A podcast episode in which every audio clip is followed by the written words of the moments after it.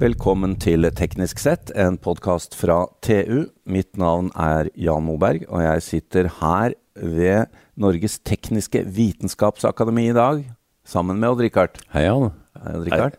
Stilig her. Staselig. Lerkendal gård i Trondheim. Ja. Nei, rett over her så er det altså fotball. Ja. Men det, dit skal ikke vi. Nei, men det er jo nærområdet ditt fra gammelt av, da. Det er det. Ja. det er det. Var du mye her som barn? Her har jeg ikke vært eh, før jeg ble voksen. Nei. Det På er altså en gård fra 1700-tallet. Ja. Veldig ærverdig. Det er bare, bare menn på veggene her, bortsett fra en uh, supplert av en naken kvinne. Som hang i, tra i Ja, trappa. ja. Så det er klart, vi kommer, eh, kommer inn i norsk eh, teknisk vitenskap her. Men vi skal i dag ha åpne med en kvinnelig gjest. Det syns vi er veldig fint, da. Og vi skal snakke med sivilingeniør og spesialrådgiver ved Sintef Ocean, Beate Kvamstad Lærvold. Velkommen. Takk. Det vil si, dette er jo din home, og ikke vår, egentlig. Ja. Ja. Men er du ofte innom her i disse lokalene? Jeg har vært her et par ganger, ja. Ja. Det har jeg. Det, det, jo, det foregår jo mye her da, av eh, formidling, så det, det må vi komme tilbake til. Men Beate, du har, du har eh, skrevet et kapittel i en bok som, eh, eh, som NTVA utgir, og eh, om digitalisering. Og ditt tema er sjøtransport. Og du eh, hevder at sjøtransport slår tilbake i Ja. vår verden i dag. Hva tenker du på da? At sjøtransporten har en ekstremt lang tradisjon i Norge. Ja. Altså Vi er en stor shippingnasjon og har vært det i lange, lange tider. Og så var vi ekstremt stor eh, for ja, et par hundre år tilbake. Mm. Eh, og så har vi muligens kanskje glemt det litt. Um, kanskje det har blitt litt usynlig for oss. Eh, men nå skjer det så ekstremt mye. Det skjer masse på mange fronter innenfor shipping, eh, og særlig i Norge, på teknologiutvikling. Og hvordan vi kan på en ny måte ta i bruk skipene på, som en bærekraftig alternativ til transport. Eh, og den utviklinga der tenker jeg er noe av det som eh, ligger til grunn for denne tittelen om at sjøtransporten slår tilbake. Vi Ja, er i en stor for- endring. Vi må jo ta med, Beate, og dette er du inne på også, at sjøtransporten står jo for en ekstremt stor andel av verdens frakt. Ja. 90% 90 ja. Mm. Og i Norge 80 nesten det samme.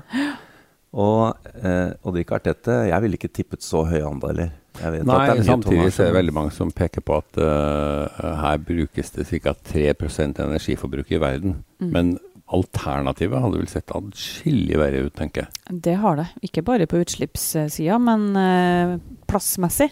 Ja. ja. Ressursmessig. Alle, altså alt det arealet vi måtte ha hatt når vi ikke kunne ha tatt i bruk sjøen som en eh, transportvei, som, som ligger der.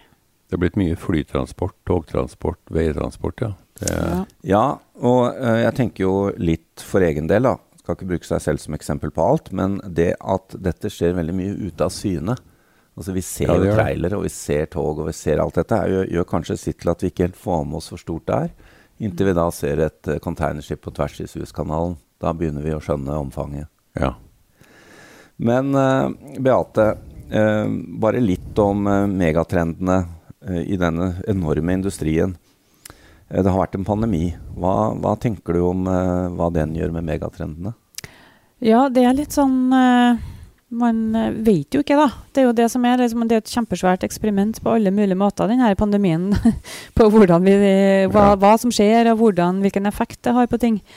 Uh, men det som Altså, den, det kapitlet som jeg skrev i boka, her er jo skrevet i 2019. Rett før pandemien. Uh, og da trakk jeg jo fram det med globalisering, urbanisering, Uh, det er jo økt befolkningsvekst, eh, befolkningsvekst Vanskelig ord.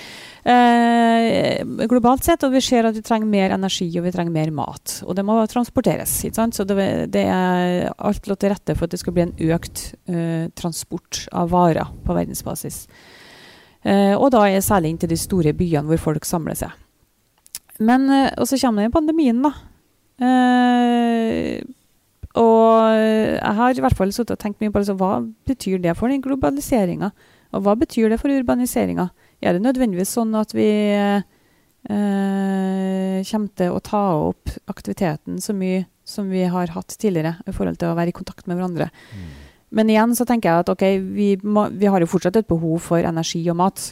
Ja. Så når det, verdens befolkning eh, vokser, så vil jo også da behovet for å frakte mat og, og energi eh, alltid være til stede. Mm. Så sånn sett så tror jeg ikke at sjøtransporten i seg sjøl kommer til å bli eh, knekt av en pandemi. Den tror jeg nå kommer til å, å fortsette å gå sånn som den har gjort. Så er det spørsmålet om verdens befolkning kommer til å vokse, da. Sånn som det var tenkt. Det tror jeg den gjør. Jeg tror, jeg tror i løpet av et par år så har vi glemt mye av pandemien, og så tar vi opp utviklinga slik den har vært. Det er bare i hvert fall min spådom. Ja. Og så trenger vi mer transport. Det er eh, en spådom jeg kan stille meg bak. Jeg, jeg tror nok det. Men uh, Beate, i, i TU så skriver vi mye om det du nevner om både skrogformer og alle de initiativene som er i Norge nå på maritim industri. Vi ligger jo virkelig foran på, på mange segmenter. da.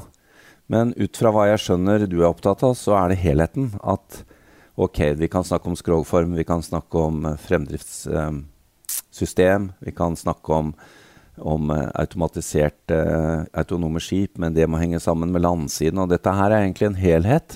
Er, er det vanskelig å få til en helhet?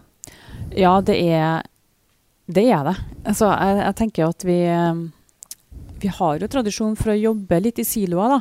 Altså, vi, vi er bygd opp litt sånn. Eh, både gjennom politikk og, og industri og, og hvordan vi som forskningsinstitutt eh, også fungerer. Så har vi konsentrert oss mye om ett og ett fag.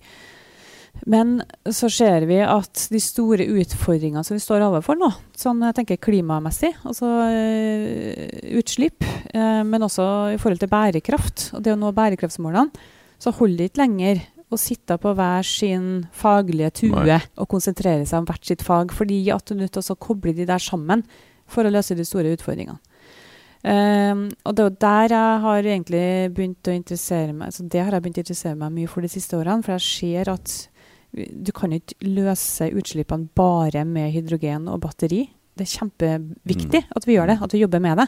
Men ikke se på bare det, fordi at du er nødt til å se på hvordan du reduserer det totale behovet for ressurser. Og Da kommer også det med automatisering og digitalisering, og det å se på hvordan du optimerer skipsskroget sånn at du får minst mulig motstand i sjøen. Ja. Hvordan du setter sammen skipsflåten din til å, å redusere antallet skip du trenger. Eh, hvordan du gjør eh, transporten av godset smartere.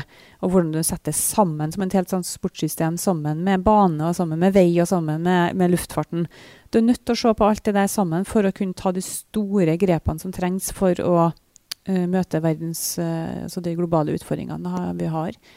I begrepet som, eh, som eh, du bruker eh, også, shipping 4.0, hva inngår det her? Er det denne helheten?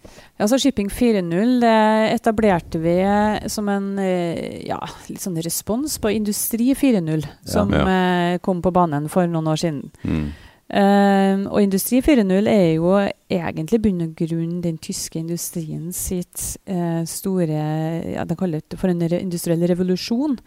Eh, fordi at man så at teknologien øh, var så moden at man nå kunne begynne å sette inn billige sensorer, overføre data på en mer effektiv Ja. måte, utnytte den dataen på en mer effektiv måte, sånn at man kunne redusere menneskelig øh, innsats i en arbeidsprosess. Og for Ja, Tyskland så var jo det viktig. Få mye mer data. Få mye mer data, ja. fordi at da er man også mer uavhengig av å kjøpe inn den arbeidskrafta fra andre steder. Um, og det der er jo noe som vi ser også altså Innenfor shipping da, så har vi litt det samme problemstillinga. Uh, vi mangler jo sjøfolk på verdensbasis. Ja. Ikke sant? Uh, og sjøtransporten har lave marginer.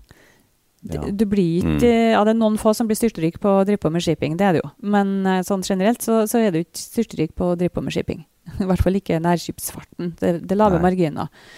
Um, så det å gjøre shippinga som er et veldig bra alternativ, som det miljøvennlige alternativ, for du får redusert utslippet per antallet tonn gods du frakter, så uh, må man også se på hvordan man gjør den mer konkurransedyktig. Og Mm. da er teknologi, sånn som det Shipping 4.0-teknologien, et viktig grep for å få det til. Og, og det grunnleggende her er jo det at du faktisk må redusere eh, menneskelig inngripen også, da, for å kunne gjøre det mer konkurransedyktig. Den altså, Utviklinga til nå har gitt oss større og større skip, enten det er tankskip eller containerskip eller andre skip. Og Suez-grunnstøtinga var et eksempel på en ordentlig gigant. Tror du det kommer til å snu?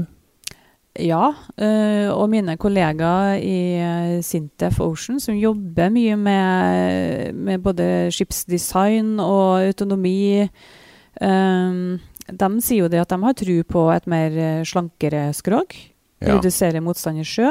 Kobla også med automatiseringa, som gjør det at man kan bygge skip eh, billigere. Altså man kan bygge flere skip som er mindre størrelse, og bygge et mer fleksibelt transportsystem på det. Ja. Så det er de trendene som, som jeg hører at mine kollegaer trekker fram da, når det gjelder eh, hva teknologien kan Men bidra til. Da vil det jo umiddelbart påføre endringer i havner og resten av logistikken. da. Ja.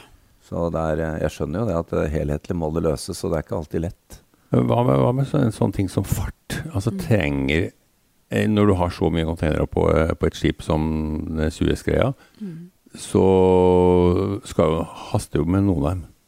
Men det haster jo ikke med alt. Og du sparer vel ganske mye drivstoff på sjøen ved å gå og redusere hastigheten. Mm. Fra 12 til 8 knopp, f.eks. Ja, og det er jo en av dagens virkemidler vi har sant, på Ja. de store skipene til å redusere utslipp. Mm. Men med en, eh, hvis at det erstatter de store megaskipene med en flåte med, med mindre i størrelse Ja. og mer automatiserte enheter, så kan du også spesialisere hver enhet til å ta en type gods. Ja. Noen har det travelt ikke sant, og skal fram, mens noen er det ikke travelt. Og så kan du også begynne å snakke om havnesida. Da kan du spesialisere havnene litt mer også. Uh, og en ting som er litt interessant da når det gjelder havn, er jo at i Norge så, så er vi jo godt rigga for det der. Vi har jo en Ja, lang kyst. Ja. veldig mange havner, små havner. Og kanskje er det sånn at, vi, at det ikke er en ulempe lenger. Nei, men altså, vi har, jo, vi har jo en havnebande på hvert nes. Eh, Havne, havnebandene har jo mye makt i lokalsamfunnet. Og jeg ser jo at uh, Dette er ikke noe du er inne på i din tekst, men det er klart det er mange som skal finne sammen her da, gjøre fornuftige endringer. Og hvis du snakker om automatisering på land nå, så Jeg ser jo at her er det flere konflikter, da. Men, eh, men det er jo et ekstremt interessant eh, tema å få distribuert det mer. Og det er jo uh, Suezkanalen og Richard, det var jo et svært skip, men, men det er jo tilpassa å gå gjennom Suez. De finnes jo enda større.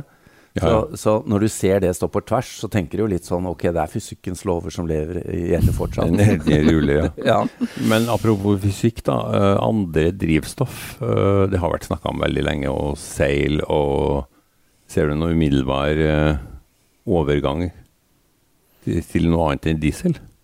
Ja, altså i Norge så har vi jo gode eksempler på det. At batteri eh, på de korte På, ja, på kort, ja. Men på litt Nei, lengre? på lang avstand, nei. Det, det er et større lerret å bleke, da.